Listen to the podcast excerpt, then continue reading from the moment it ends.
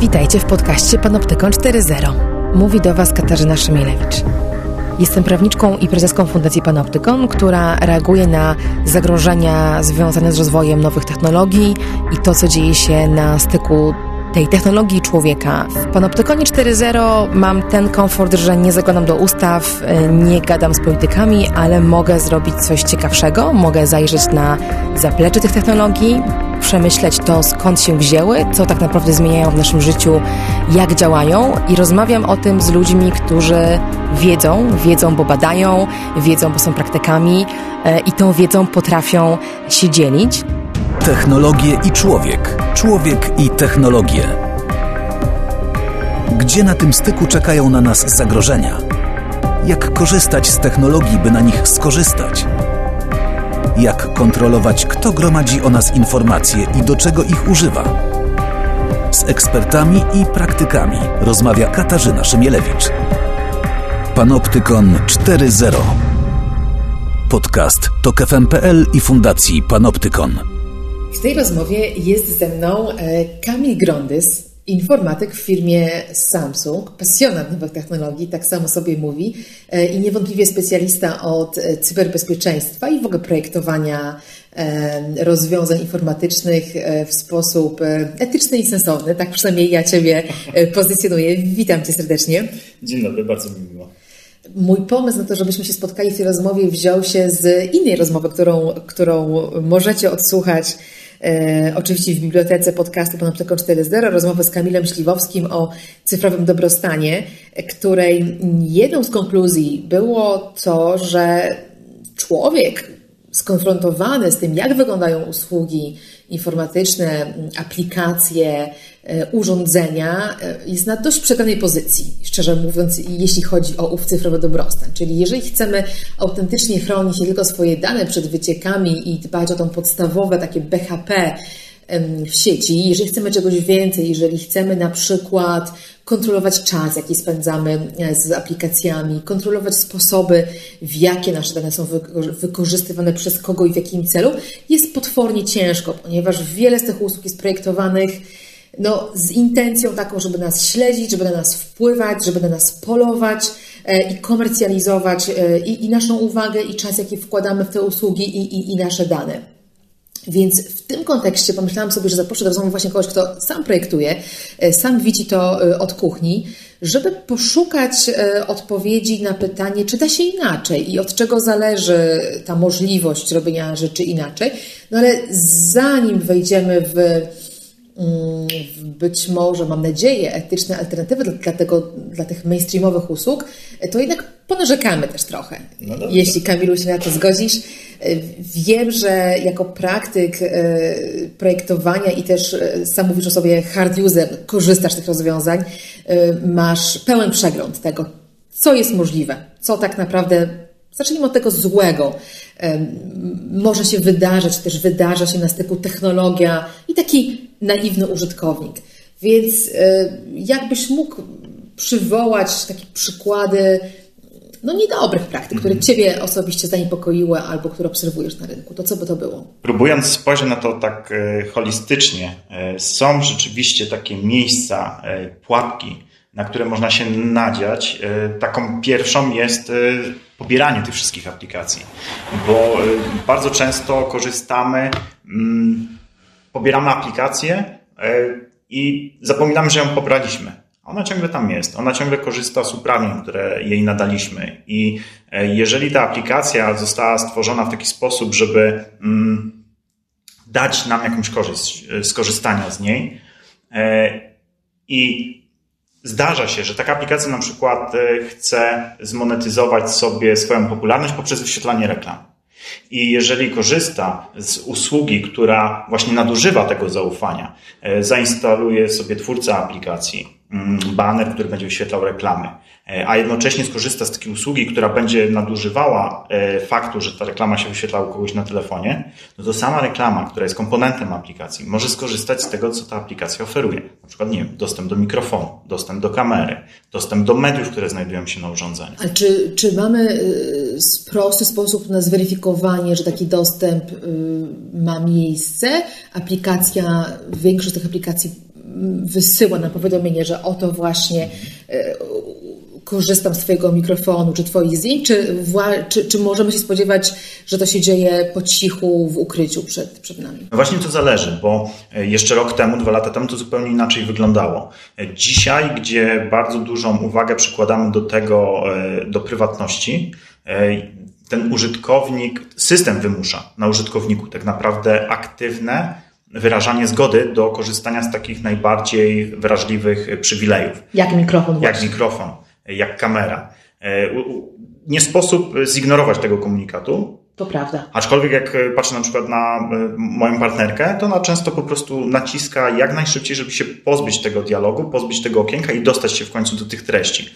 Więc no, trudno mi powiedzieć, jak bardzo dobrze to działa, Natomiast. E, Jakieś strzeżenia są, ale ty powiedziałaś o lokalizacji, to co mnie zafrapowało.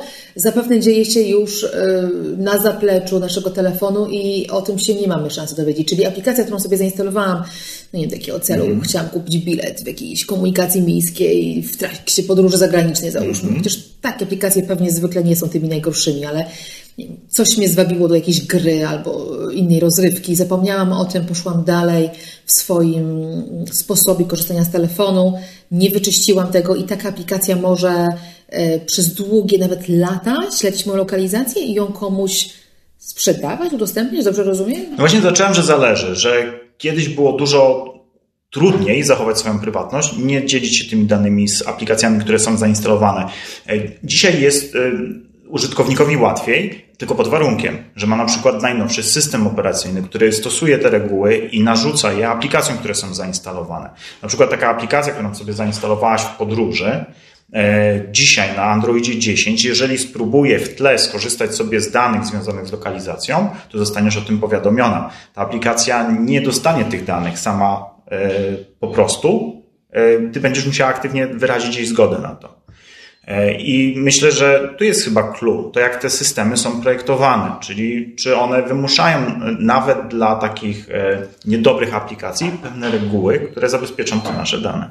Czyli tutaj dostrzegasz postęp na plus, to, że twórcy systemów operacyjnych wprowadzili takie dodatkowe zabezpieczenia, które przynajmniej wymuszają na na aplikacji powiadomienie użytkownika, e, każdego z nas i to ode mnie zależy, czy ja takie e, powiadomienie zignoruję. Ale na jakich innych frontach w takim razie niż konkretnie dostęp do danych w tle, danych z telefonu, możemy spodziewać się no, jakichś przykrości i zaskoczeń? Na co, na co jeszcze w takim razie uważać?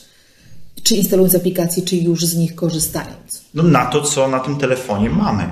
Bo jeżeli tam mamy kontakty, te kontakty są związane z naszą pracą i nie chcemy, żeby te informacje wyciekły, dostały się na przykład do, przez szkodliwą aplikację, nie dostały się do osób, które polują na takie informacje, e, to warto na przykład zadbać, żeby mieć specjalnie oddelegowaną e, przestrzeń na telefonie na takie wrażliwe rzeczy. Stwórzmy sobie, nie wiem, profil roboczy dla danych związanych z pracą.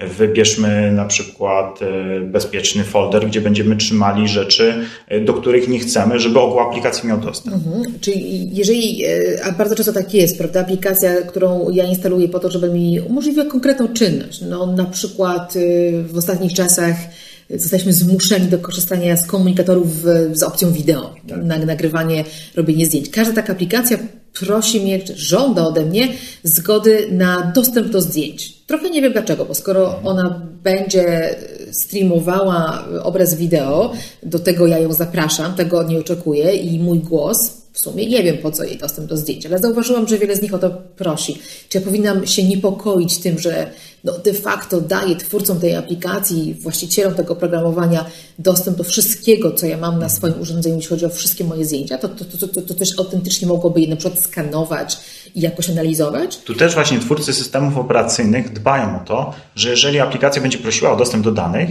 to im e, tej aplikacji przeznaczy takie wirtualne miejsce ona nie będzie sobie panoszyć się po całym naszym telefonie i pobierać tych danych z innych aplikacji. E, będzie miała bardzo ograniczony dostęp, tak, co do założenia. Natomiast no, trzeba też pamiętać, że e, takim, takim symptomem, że jest to dobra aplikacja, może być fakt, że dopiero w momencie, kiedy chcemy skorzystać z danej rzeczy, zostaniemy poproszeni o wyrażenie zgody na dostęp. Na przykład mogę mieć komunikator internetowy, w którym cały czas za pomocą czata komunikuję się ze znajomymi i dopiero w sytuacji, kiedy chcę na przykład wysłać zdjęcie, dopiero w tym momencie aplikacja prosi mnie o dostęp do kamery. Nie robi tego e, na wszelki wypadek już zaraz po zainstalowaniu. Jeszcze myślę o tej lokalizacji. Mhm. Na pewno pamiętasz, na pewno słuchający nas pamiętają takie doniesienia w mediach, polskich powracające na temat tego, że oto jedna z firm, nie będziemy jej teraz reklamować, była w stanie zbadać, przebadać bez ich wiedzy i zgody oczywiście tysiące, czy nawet dziesiątki tysięcy mm, Polaków na okoliczność na przykład tego, czy bywają w centrach handlowych w niedzielę, albo czy na festiwalu e, muzycznym, e, na którym się znajdują, reprezentują jakieś zainteresowania.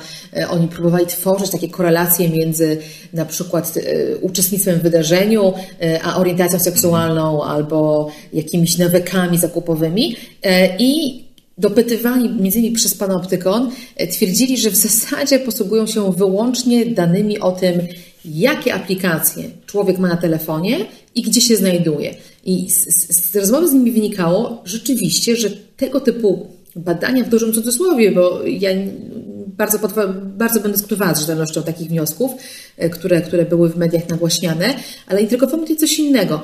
Te wnioski były wyciągane z zestawienia informacji o tym, że ja byłam w jakimś miejscu, mhm. byłam w tym centrum handlowym, albo byłam na tym festiwalu i że w tym momencie na moim telefonie działało, czy było zainstalowanych x aplikacji, z tego na przykład specyficzna aplikacja do, nie wiem, śledzenia cyklu e, miesięcznego u kobiet, którą e, stereotypowo stosują kobiety, mhm. które chcą zać w ciąży, chociaż przecież nie tylko, więc wniosek taki, że właśnie to były te kobiety, myślę, że jest nieuprawniony. Albo aplikacja randkowa dla osób e, e, e, nieheteronormatywnych, z której można wyciągać różne wnioski. No, dla mnie nie jest to jednoznaczne, że ja sama do takiej grupy należę, jeżeli, taką aplikację zainstalowałam. Prawda? Więc zostawmy na, na boku nierzetelność wniosków, które można wyciągać z samego faktu, że ktoś aplikację ma. Intryguje mnie, skąd taka zewnętrzna firma pseudobadawcza wie o tym, że ja mam te 10 aplikacji, że ja się gdzieś znajduję. Który, którędy taka wiedza może trafić do zupełnie trzeciego, niezależnego podmiotu? O, ciekawe pytanie. E, na pewno e, sam, sama obecność aplikacji na telefonie jest e, takim oczywistym wskaźnikiem, że nie wiem, jakiś serwis może te dane gromadzić, ale oprócz tego musimy pamiętać, że nasz telefon no przedstawia się cały czas e, naokoło. Na przykład, jeżeli szukamy, mamy włączone Wi-Fi i próbujemy połączyć się do jakiegoś access pointa, który znajduje się na przykład na takim wydarzeniu kulturalnym, no to e, od strony informatycznej e, od strony tego zaplecza infrastruktury. Wiadomo, że telefon o określonym adresie fizycznym miał tutaj styczność z danym access pointem, przynajmniej próbował go skanować. I tu też mała, mała dygresja w kierunku tego, jak się zmieniają systemy operacyjne. Dzisiaj na najnowszym, e, na najnowszej wersji systemu Android jest coś takiego jak randomizacja adresu MAC. E, co więcej. Czyli ukrywanie e, w takim potocznym rozumieniu, jakieś maskowanie tego mojego no Jeżeli adresu? mówimy o adresie fizycznym, to nam się kojarzy to z czymś nierozerwalnie związanym z danym urządzeniem. Więc jeżeli potrafimy go zrandomizować, no to będziemy się przedstawiali za każdym razem jako inne urządzenie. Randomizować, Więc... czyli mamy przypadkowy numer nadawany mojemu urządzeniu, e, który się zmienia w czasie, a nie jest to stały dla karty, adres. Dla karty Wi-Fi, dla karty, która zapewnia nam łączność. Więc jeżeli rok temu byliśmy na wydarzeniu jednym, na wydarzeniu drugim i trzecim Aha. i przypadkiem jedna osoba była odpowiedzialna za organizację tego wydarzenia, to ona potrafiła stwierdzić, ok, ten e, ID numer 3 był na wszystkich trzech wydarzeniach. Aha. A jeżeli jeszcze mam aplikację, która jest na telefonach wielu użytkowników, to mogę sprawdzić, czy przypadkiem mam e, tą osobę u siebie w bazie danych. A jeżeli mam, no to sprawdzę, jakie jeszcze inne miały aplikacje u siebie zainstalowane. No i tak zaczynamy zbierać te dane. I ten przypadkowy numer chroni nas przed tym, ponieważ powoduje, że, że za każdym łączeniem się do sieci Wi-Fi, e, no, nawet niech to będzie jedno miejsce, niech to będzie kawiarnia, do której wracam regularnie, czy, czy nie wiem, stacja metra, na której jestem regularnie, e, ten, kto utrzymuje sieć w takim miejscu, nie dowie się, nie zauważy, że ja wracam, bo będzie miał za każdym razem inny numer. No przynajmniej utrudnimy mu zadanie, mhm. bo to, że my jako konkretne urządzenie przedstawiamy się adresem fizycznym, który jest losowy za każdym razem, no to jako użytkownik mamy pewne paterny. E, na przykład zaraz. Wzorce zachowania. Zaraz sobie usiądziemy, otworzymy stronę internetową, a potem przejdziemy na przykład do naszego, do aplikacji bankowej, więc osoba też, która zapewnia nam ten internet, bo jest to hotspot w kawiarni, ona zobaczy na przykład, y, że dana osoba ma jakiś wzór zachowania, no to nawet jeżeli przyjdzie z innym urządzeniem, bo to będzie inny adres fizyczny, powtórzy ten pattern, to mogę wnioskować, że to jest ciągle ta sama osoba. A co mi takie wnioskowanie, podrążmy chwilę możliwe konsekwencje ujawnienia czegoś takiego? E, czyli jestem sobie hotspotem albo mam, mam kontrolę nad hotspotem, mam tych użytkowników, niech to będą klienci kawiarni, obserwuję ich zachowanie, wiem, że to są ci sami, że, że jest część, która do mnie wraca, uczę się wzorców ich zachowania, jak mogę to wykorzystać? Na pewno w promocji pewnych produktów. Mhm. Mogę podsunąć na przykład, e, nie wiem, jakieś zdrowe jedzenie, bo zobaczę, że są u mnie fani, nie wiem, wegańskiego jedzenia. Czyli mogę sprofilować ich i wystawić, zareklamować, że taki profil posiadam na giełdzie reklam i zarobić na tym. Mogę po prostu skomercjalizować taką wiedzę, bo wiedza o tym, że u mnie pije kawę ktoś, kto ma takie, a nie inne zainteresowania, kupuje często, nie wiem, yy, bilety lotnicze, albo często wyjeżdża na weekendy, albo interesuje się jakimś drogim yy, w utrzymaniu sportem, czy, czy, czy, czy właśnie poszukuje nie wiem, wegańskiego jedzenia jest atrakcyjny jako komercyjnie atrakcyjny, bo wydaje pieniądze i wiedza o tym, że ja mam takiego użytkownika u siebie, może mi się przełożyć na zysk. Mogę ją wystawić na jakiejś giełdzie reklamodawców. No na pewno y, będzie łatwiej działu marketingu, jeżeli będzie tego swojego klienta dobrze znał. Znając tego klienta, można zaplanować pewne akcje wspólne y, z innymi firmami, Mając sprofilowanego tego użytkownika, można na pewno też poprawić logistykę w ramach swojej, swojego, swojego biznesu. Jeżeli jest to kawiarnia, wiemy, że na przykład ten trafik sięga zenitu o godzinie 10 i wszyscy wpadają na szybką kawę, bo zaraz idą do pracy, no to może to jest dobry moment, żeby oprócz tej kawy zrobić, nie wiem, upselling jakiejś innej rzeczy. Jestem specem od marketingu, natomiast te dane, które możemy wiedzieć o osobie, która nas odwiedza, no to jest, e, jest wszystko. Od płci, od wieku, od zainteresowań, e, po e, takie rzeczy jak na przykład próba określenia jakiejś majętności osoby, Jak to mogę zrobić? Nie będąc Facebookiem, nie będąc czymś, co mm, nie będąc portalem społecznościowym ani, ani pocztą elektroniczną, gdzie rozumiem, że dostęp do danych jest o wiele głębszy, bo obserwuję taki portal obserwuje to, co piszemy, z kim się komunikujemy, ma dostęp do treści, które wysyłamy, więc zasadniczo wie o nas wszystko, to, co ujawniamy o sobie w sieci i więcej, obserwuje zachowanie. Ale trzymając jeszcze przez chwilę e, zwykła właśnie aplikacja na moim telefonie, e, jakaś wąska funkcja tej aplikacji, ona tylko ma obsłużyć bilet, albo tylko ma obsłużyć pogodę, albo tylko ma obsłużyć grę, siedzi na tym telefonie, albo taki hotspot, o którym mówiliśmy, co on może zaobserwować? Znaczy, jeżeli dajemy za darmo internet, to wiemy wszystko, co idzie przez ten e, tunel. Czyli widzimy strony, które człowiek otwiera. Na, na pewno znamy adres strony, którą mhm. otwiera użytkownik, więc wiemy na przykład, czy to jest bank, czy to jest serwis informacyjny, rozrywkowy, streamingowy, czy ktoś przyszedł do nas, e, nie wiem, obejrzeć sobie jakiś film, e, czy przy okazji kawy na przykład. Ja nie mogę tego zablokować. Nie mogę w taki sposób otworzyć internetu w hotspocie, żeby tej wiedzy nie, nie przekazać. Są narzędzia, które e, pozwalają ukryć ten ruch, który my generujemy, ten ruch internetowy z telefonu. Od e, takich rozwiązań typu VPN, gdzie mamy połączenie przez zewnętrzny serwer, gdzie ruch do niego jest szyfrowany i osoba nie jest w stanie podejrzeć, co się dzieje w tym w tym, w tym naszym trafiku, e, po rozwiązania na przykład e, już takie bardzo zaawansowane jak sieć Tor, gdzie oprócz tego, że my od punktu, czyli siedzimy w kawiarni, obserwujemy dany serwis, do momentu, aż ten serwis w ogóle wie, że my go obserwujemy, że my pobieramy z niego treści, następuje przekierowanie ruchu przynajmniej przez 3-4 losowe osoby. I nawet e, nasz usługodawca, który, nie wiem, e, zapewnia nam internet, on nie jest w stanie zidentyfikować, kto kiedy, gdzie był w tym internecie. No tak, a to wymaga rzeczywiście sporo zachodu i pewnych kompetencji, a na pewno włożenia to dodatkowego wysiłku. Myślę, że większość użytkowników hotspotów tego, tego nie robi. A aplikacja, już mówiłeś o tym, że te najbardziej wrażliwe dostępy dla aplikacji zostały nie tyle ograniczone, co wiążą się z ostrzeżeniami, które wysyła nam na przykład system Android w nowej wersji e, i bardzo dobrze, ale czy, czy wracając do przykładu z badaniami, e, z szukaniem korelacji w, w oparciu o wiedzę o tym, jakie aplikacje są na urządzeniu danej osoby. Czy to może iść, taka wiedza może wypływać w taki sposób, że, że aplikacja wie o innych aplikacjach? Tak. Zbiera te informacje i na przykład jedna z nich, niech będzie jedna nieetyczna na naszym telefonie, ona te informacje, mówiąc kolokwialnie, wystawi komuś albo sprzeda? No tak, no, tu, tu, tak. tu dotykamy trochę tematu y, luk, luk bezpieczeństwa, które znajdują się w każdym systemie operacyjnym, y, znajdują się w aplikacjach i jeżeli taka luka istnieje, a my jej w żaden sposób mm, nie zainstalujemy aktualizacji, która ją naprawi, no to mamy y, podatny na dano, y, mamy podatny telefon na dane zagrożenie. I jeżeli jest aplikacja, która celuje w to, że takie, taka luka istnieje na naszym telefonie, to na pewno wykorzysta tą lukę.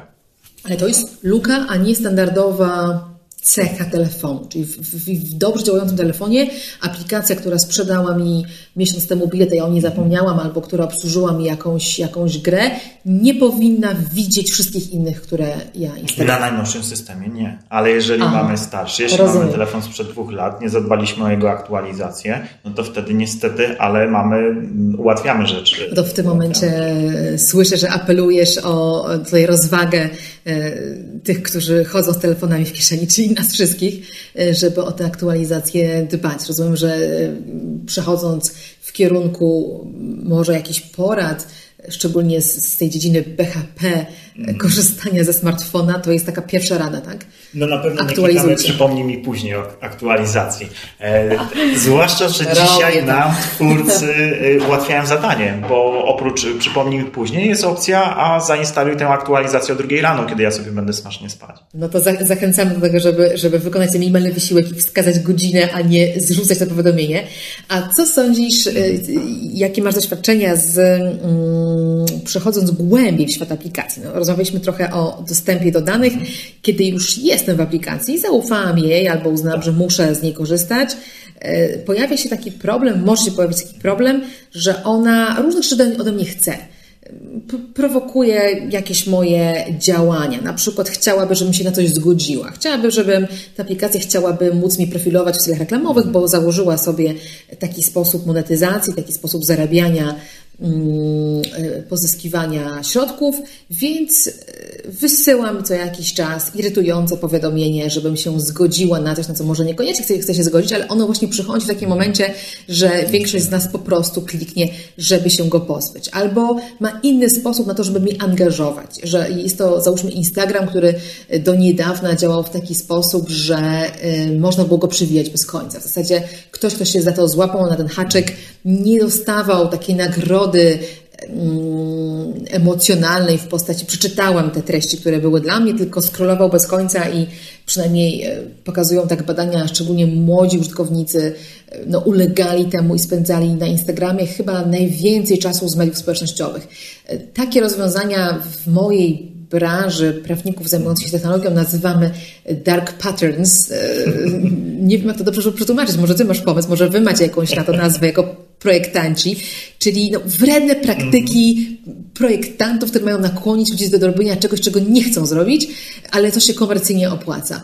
E, Jak oceniasz e, obecność takich praktyk w aplikacjach? Znaczy, ja muszę trochę posypać głowę popiołem, bo jak e, pierwszy raz słyszałem o tym Infinite Scroll, to byłem pod wrażeniem, że ktoś wpadł na coś takiego. Zwłaszcza, że gdzieś mój background pochodzi z projektowania stron internetowych i sama, samo rozwiązanie od strony technicznej jest ciekawe, bo dojeżdżamy do dołu treści, doczytujemy coś w tle i zaczynamy to prezentować. Mamy ten Infinite Scroll. Osoba, która to wymyśli- Niekończący się, Niekończący e, się strumień tak, informacji. Czyli jest to imponujące od strony, projekt, od strony technicznej tak, bo to trochę wymaga gimnastyki, żeby coś takiego zrobić. Pamiętam autora, który wypowiadał się na konferencji, no fajnie, celebryta wśród programistów. Natomiast no, nazwanie tego dark pattern, nie wiem, nie, nie wymyślę masz chyba lepszej. nazwy.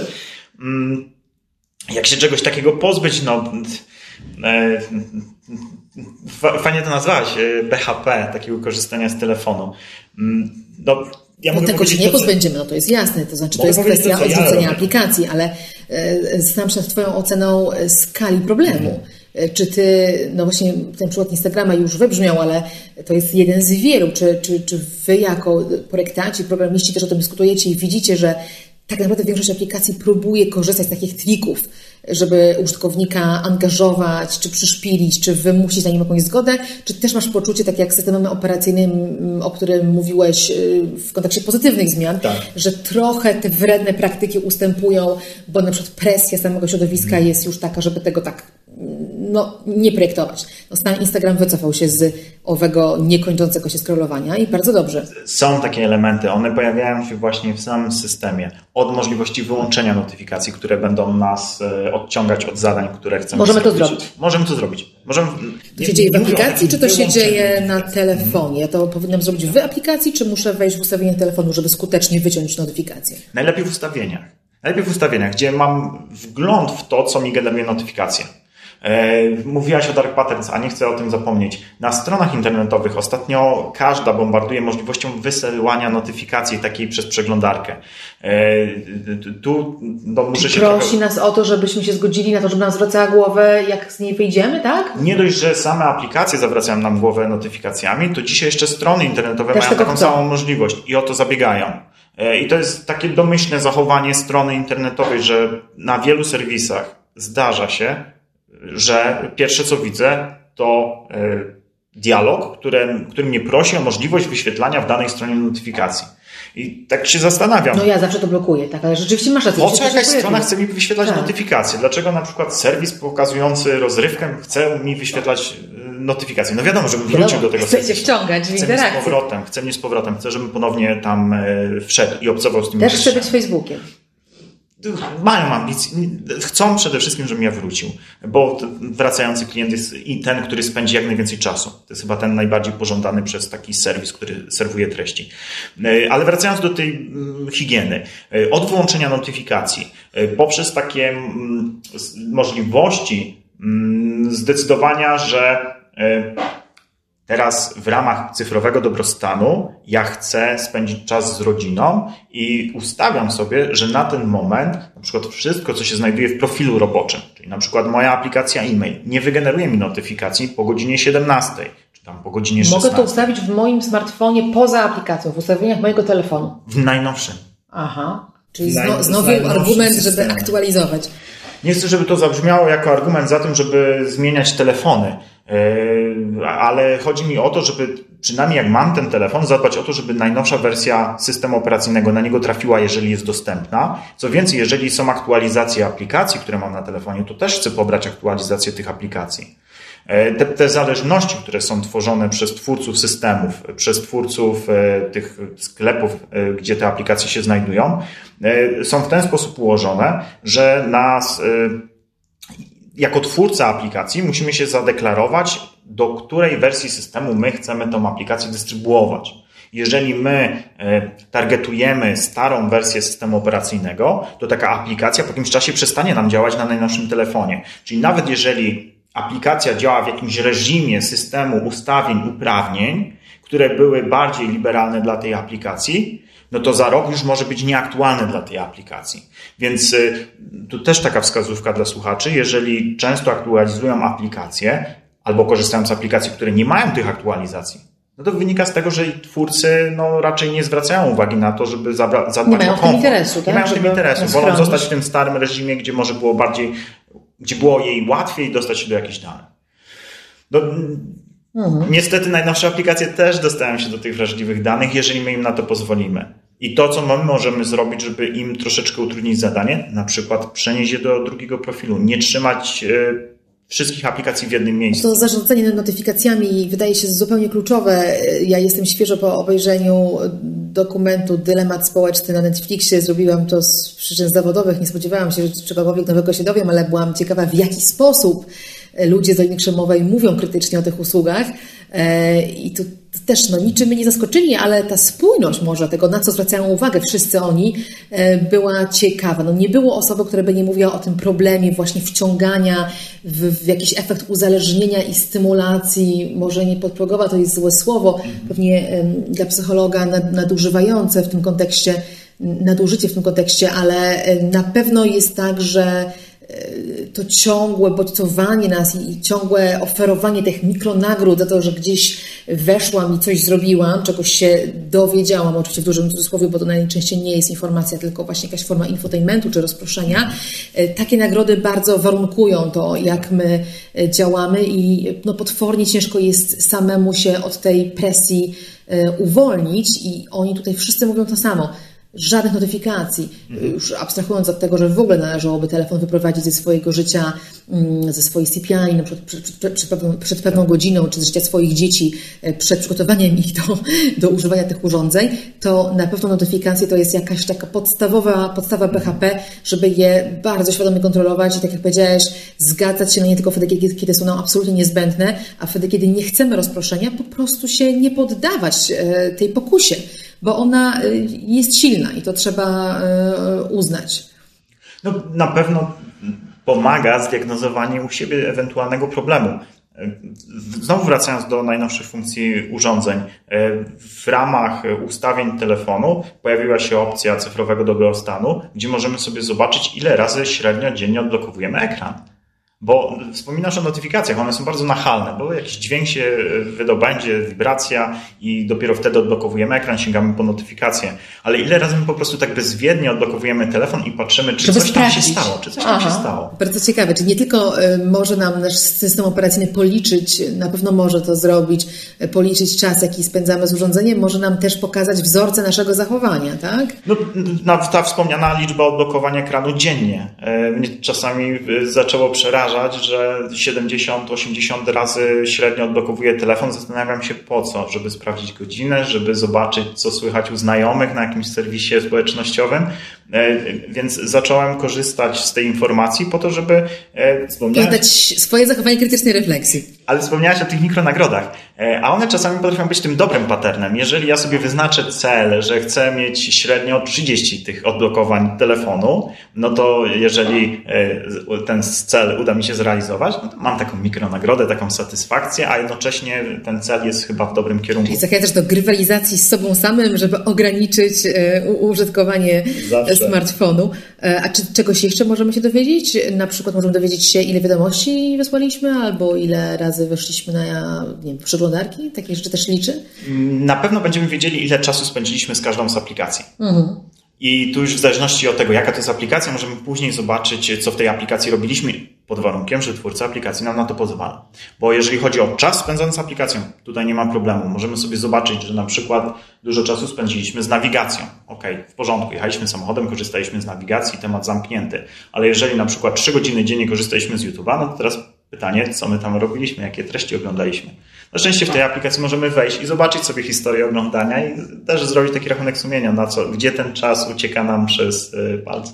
No tak, tylko teraz rozmawiamy cały czas o tym, co może zrobić użytkownik, co możemy zrobić y, my wszyscy, żeby zadbać o swój cyfrowy dobrostan. Ja mam cały czas poczucie, że to jest nierówna walka, że właśnie owe dark patterns, czyli takie wredne praktyki w projektowaniu aplikacji, czy y, różne skrypty śledzące, czy różne, no właśnie wymuszone lub niezgody na z danych, o których mówiliśmy, no nie pomagają nam w tym. Jeżeli chcielibyśmy trochę uciec e, z tego pola bitwy, trochę się wyzwolić, czy ty dostrzegasz taki trend, możliwość wejścia w aplikacje, które są godne zaufania, które są etyczne, które są projektowane w oparciu o inne założenia? Nie chodzi mi teraz o to, żeby poszukać aplikacji, które są um, fajną usługą, bo mhm. takich na pewno znajdziemy sporo. E, chodzi mi o sposób ich zaprojektowania. Załóżmy, że chcę biegać i załóżmy, że rzeczywiście sama uznałam, że potrzebuję jakiegoś coacha w telefonie, który mnie do tego będzie motywować. E, z jakiego klucza mogę wybrać, czy mogę w ogóle wybrać aplikację do tego służącą, która no, przy okazji będzie próbowała mnie komuś sprzedać. Mogę taką usługę znaleźć? A jeśli tak, to jak ją rozpoznać? Od tej, która będzie przy okazji mnie śledziła i komercjalizowała to, czego się dowie. No myślę, że te rzeczy, o których wcześniej mówiliśmy, mogą być tym wskaźnikiem, czy aplikacja jest dobra. Na przykład sprawdzenie dopiero w momencie, kiedy chcę skorzystać z danego uprawnienia, kiedy aplikacja rzeczywiście potrzebuje skorzystać z uprawnienia, poproszenie o to uprawnienie. Tak samo jawne prezentowanie treści użytkownikowi, po co te informacje są zbierane. Jeżeli to będzie ściana tekstu i jeden przycisk zaakceptuj wszystko, no to raczej to będzie aplikacja, która chce ukryć tak naprawdę to, co robi z tymi danymi. Ale jeżeli aplikacja powie, potrzebuję dostępu do kamery, ponieważ chcę włączyć światło we flashu, żeby, nie wiem, służyć jako latarka i do tego się ogranicza jej funkcja. No to możemy takiej aplikacji zaufać. Jeżeli mm, aplikacja nie próbuje nas właśnie bombardować różnego rodzaju prośbami o zgody, które no, tam w związku z prawem użytkownik musi świadomie wyrazić, i, i, i, nie, nie ma tego tekstu, nie wiadomo jak dużo, jest to dla mnie zrozumiałe na pierwszy rzut oka. To moim zdaniem jest to jakiś wyznacznik dobrej aplikacji. Natomiast y, przy tej okazji chciałem opowiedzieć o ruchu i społeczności open source, y, gdzie programiści, otwartego oprogramowania. otwartego oprogramowania, gdzie programiści y, dzielą się kodem, który tworzą, a jednocześnie zapraszają innych programistów do udziału w danym projekcie. Jeżeli aplikacja swój kod źródłowy udostępnia, to również zaprasza środowisko naukowe, żeby zbadało ten kod pod kątem ewentualnych podatności, e, a jednocześnie jakieś instytucje do tego, żeby przeanalizowało go pod kątem tego, jak przetwarzane są dane, które ta aplikacja To jest y, takie podejście, taka otwartość no z definicji sygnalizuje, mm, może być powodem do większego zaufania, bo mogę zakładać, że jeżeli aplikacja, która tak się wystawia na ocenę zewnętrzną, niezależną ocenę, robiłaby coś złego, to ktoś jednak by to zauważył, bo jest sporo ludzi na świecie, którzy mają czas i kompetencje, żeby sprawdzać, tak? mogę tak założyć, bo rozumiem, że ja jako zwyczajna konsumentka treści w internecie takich kompetencji nie posiadam e, i ja tego nie ocenię, nawet jeżeli ktoś mi poda cały kod aplikacji na tacy, niewiele mi to powie, ale mogę zakładać, że jeżeli nie było afery z taką aplikacją, a jest ona na otwartym programowaniu, to mam prawo jej zaufać. No pod warunkiem, że jest popularna, bo też są aplikacje na otwartym oprogramowaniu, które mają bardzo mały udział w ogóle. A jesteśmy w stanie wskazać przykłady popularnych aplikacji, które tak działają? E, tu bardziej chodzi o komponenty, z których takie aplikacje korzystają. No bo jeżeli dana aplikacja służy do komunikacji i korzysta z protokołu, który jest otwarty, który służy wymianie wiadomości między na przykład serwerem naszym telefonem, no to możemy e, sprawdzając na przykład w samej aplikacji listę licencji wolnego oprogramowania, zobaczyć, ok, tu jest coś na licencji GPL. Licencja GPL ma to do siebie, że jest licencją E, ona się brzydko nazywa wirusowa, ale znaczy to e, tyle, że jeżeli ja jako programista sięgnę po ten kod, zrobię w nim jakieś modyfikacje, to tę modyfikację również muszę opublikować. E, czyli nie mogę sobie wziąć czegoś od społeczności open source, zmodyfikować na swój użytek i ukryć te modyfikacje, tylko też muszę udostępnić ten kod. To, to, to, to zidentyfikowanie, że są tam te komponenty związane z, z, z, z open source'em, E, które zostały też e, przebadane, mają jakąś historię na rynku i potwierdzają na przykład, że mm, możemy im zaufać, no to dla mnie jest to jakiś wyznacznik, że dana aplikacja dba o to bezpieczeństwo tych danych, które ja powierzam tej aplikacji. Mhm. Nadal wymaga to, jak rozumiem, zajrzenia troszkę głębiej w opis aplikacji, żeby się zorientować, czy ona z tego otwartego programowania korzysta, czy nie, ale to byłby jakiś dla Ciebie sygnał e, do, do, do większego zaufania. E, poza tym, jak skonstruowana jest polityka prywatności, jak skonstruowane są um, te pop-upy, czy one nas właśnie drażnią, czy, czy, czy, czy, czy szanują to, że nie chcemy ich w danej chwili oglądać, e, więc takie no, usability, taki, taki, taka, taki kontekst, jak się tego używa, to jest intuicyjna pierwsza rzecz, na którą mhm. zwracasz uwagę, e, a zaglądając głębiej sprawdzałbyś, na jakich licencjach jest oprogramowanie, e, z którego aplikacja korzysta, co jeszcze można byłoby chcieć sprawdzić, żeby no, zweryfikować jakiś taki poziom wiem, etyczności czy przyjazności oprogramowania. No, e, są, te, są te oczywiste rzeczy. E, Tym mniej e, to jest umieszczenie w jakimś sandboxie takiej aplikacji. W jakiejś takiej się, piaskownicy. Niech ona sobie poszaleje, niech pobiera te dane, ale dajmy jej takie, taki sandbox wypełniony nieprawdziwymi zabawkami. Czyli ja musiałabym to zrobić. Ja sobie ją testuję. A, no znaczy, to... Są specjaliści, którzy się tym zajmują i szukają właśnie takich podatności i mm, no, firmy technologiczne potrafią e, organizować konkursy dla społeczności tych etycznych żeby hakerów, wykrywać żeby wykrywać, tak. Wtedy z całkiem niemałymi budżetami ci hakerzy rzucają się e, na testowanie różnych systemów, aplikacji i szukają tych luk. Czyli, potencjalnie czyli, ktoś może... Czyli są firmy zainteresowane tym, żeby, żeby ktoś niezależny je ocenił i żeby wyłapał ich błędy. To zapewne nie są te same firmy, które próbują nas upolować i wystawić na giełdzie reklam. Pamiętam swoje rozmowy z ludźmi, którzy y, projektują systemy sztucznej inteligencji, zajmują się mm, tak zwanym data science, nauką danych którzy sami narzekali, że przy władzy, jaką no de facto dostali na, na tym rynku danych osobowych i odpowiedzialności, jaką mają, brakuje im takiego twardego kodeksu czy jakichś wytycznych, jak postępować, jak projektować, jak, w jakie pułapki nie wpaść. I taki ruch od, od środka e, zaczyna się w tym środowisku, e, przy czym no, w wielu innych środowiskach inżynieryjnych, na przykład przy budowie mostów, to jest dosyć stara sprawa, że takie tak. kodeksy są e, i inżynier, który buduje most, wie na czym się powinien oprzeć i jakie informacje powinien ujawnić, czy jakim audytom się poddać. Czy w świecie projektowania aplikacji dostrzegasz po pierwsze potrzebę e, takiego trochę skodyfikowania się, e, po drugie widzisz jakieś ruchy w tym kierunku zmierzające? Tak, zdecydowanie. To ten kodeks e, programisty to są dobre praktyki. I te dobre praktyki często są źródłem DNA pewnej firmy, w której pracował programista, ale one zaczynają mieć pewne wspólne mianowniki. I firmy, firmy wyznają też troszeczkę e, przez e, tą migrację informatyków pomiędzy firmami, ale zaczynają mieć taką część wspólną w tych dobrych praktykach. No i jedną z takich rzeczy jest zakładać najgorsze. Więc jeżeli pracuję na danych wrażliwych, to muszę się upewnić, że te dane są zaszyfrowane. No już dzisiaj ustawodawca każe nam te dane zaszyfrować, przechowywać w sposób bezpieczny, ale jeszcze kilka lat temu to nie było takie oczywiste.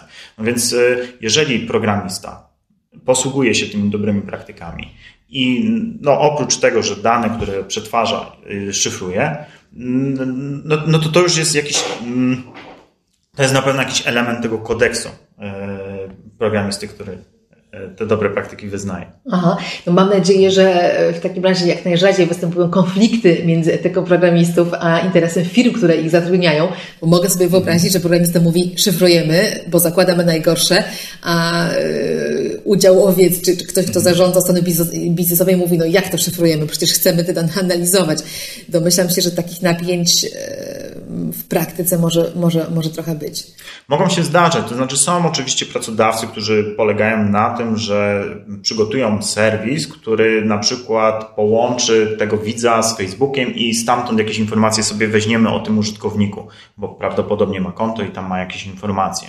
Czy wyłudzają e, sytuację, w której ja wyślę SMS-a i zasubskrybuję usługę, która będzie ode mnie drenować e, po prostu pieniądze. E, także są takie firmy, które na to polują. Są programiści, którzy pracują dla takich firm e, i, i, i robią to w cudzysłowie zło, e, takie nieetyczne zachowanie. Natomiast no, ja wolę rozmawiać o tych dobrych programistach, którzy jednak no, co do samego szyfrowania danych, to jest jedna rzecz, która zabezpieczy te dane przed osobami trzecimi, ale kwestia na przykład dobrej anonimizacji tych danych, że nie zaczynam robić profilowania i jestem w stanie zidentyfikować drugi raz osobę, która do mnie wraca, tylko anonimizuję te dane w taki sposób, żeby rzeczywiście, nawet jeżeli ja patrzę na te informacje, to nie jestem w stanie powiedzieć, że to jest ta osoba o tym PESEL. Sam, sam sobie utrudniam e, ewentualne śledzenie, gdyby ktoś, czy komuś w firmie, gdyby komuś taki pomysł przyszedł do głowy, gdyby ktoś z zewnątrz, ktoś taki jak ja, kto nie pracuje w firmie, nie programuje, chciał się przekonać o tym, jakie te dobre praktyki są, chciałby się dowiedzieć, jaki jest konsensus w branży, y, czy jest miejsce, forum, konferencja, strona internetowa, na którą mogłabym wejść, żeby się tego dowiedzieć, czy to jest bardzo wewnętrzna, branżowa wiedza, te dobre praktyki? Dobre praktyki wynikają z warsztatu pracy. Y, są konferencje branżowe, gdzie programiści spotykają się w imię danych, e, danego tematu. No, wszelkiego rodzaju konferencje związane z open source'em. To, co robi Fundacja Linuxa, to, to są dobre miejsca do tego, żeby zasięgnąć e, języka na temat tych dobrych praktyk. E, jeszcze ta sama społeczność open source. Programista ma to do siebie, że rozumie kod, który jest napisany, więc e, oglądając kod aplikacji, na przykład, która jest zainstalowana, czy systemu operacyjnego, na którym działa, e, programista jest w stanie e, zrozumieć, jeżeli społeczność jest na przykład otwarta, zaprasza do siebie programistów. Ona często ma zdefiniowane te zasady postępowania, te dobre praktyki, także odwiedzając próbując dołączyć do społeczności, która zajmuje się danym projektem, jesteśmy w stanie najwięcej się dowiedzieć o tych dobrych praktykach. I no, projekty, które ja znam, projekty, które ja uwielbiam, to są projekty, które właśnie dbają o prywatność, o bezpieczeństwo. Dbają o to, że jeżeli dane szyfrujemy, to w taki sposób, że nie jest trywialnym oszyfrowanie tych danych. To się autentycznie dzieje. Programistom nie jest trudno znaleźć takie miejsca, jeśli chcą się dowiedzieć.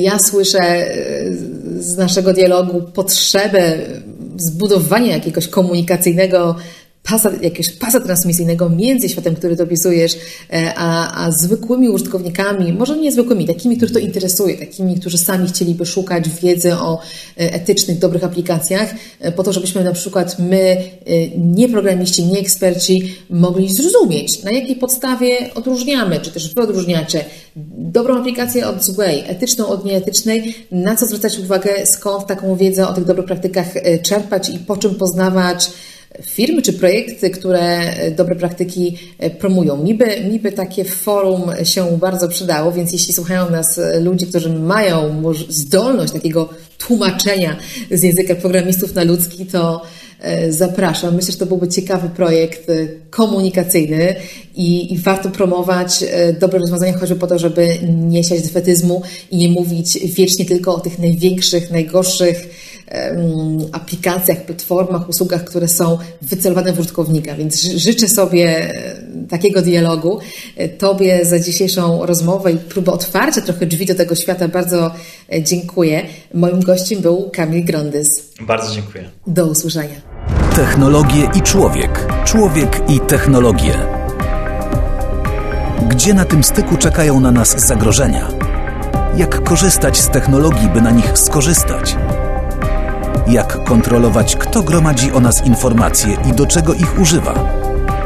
Z ekspertami i praktykami rozmawia Katarzyna Szymielewicz.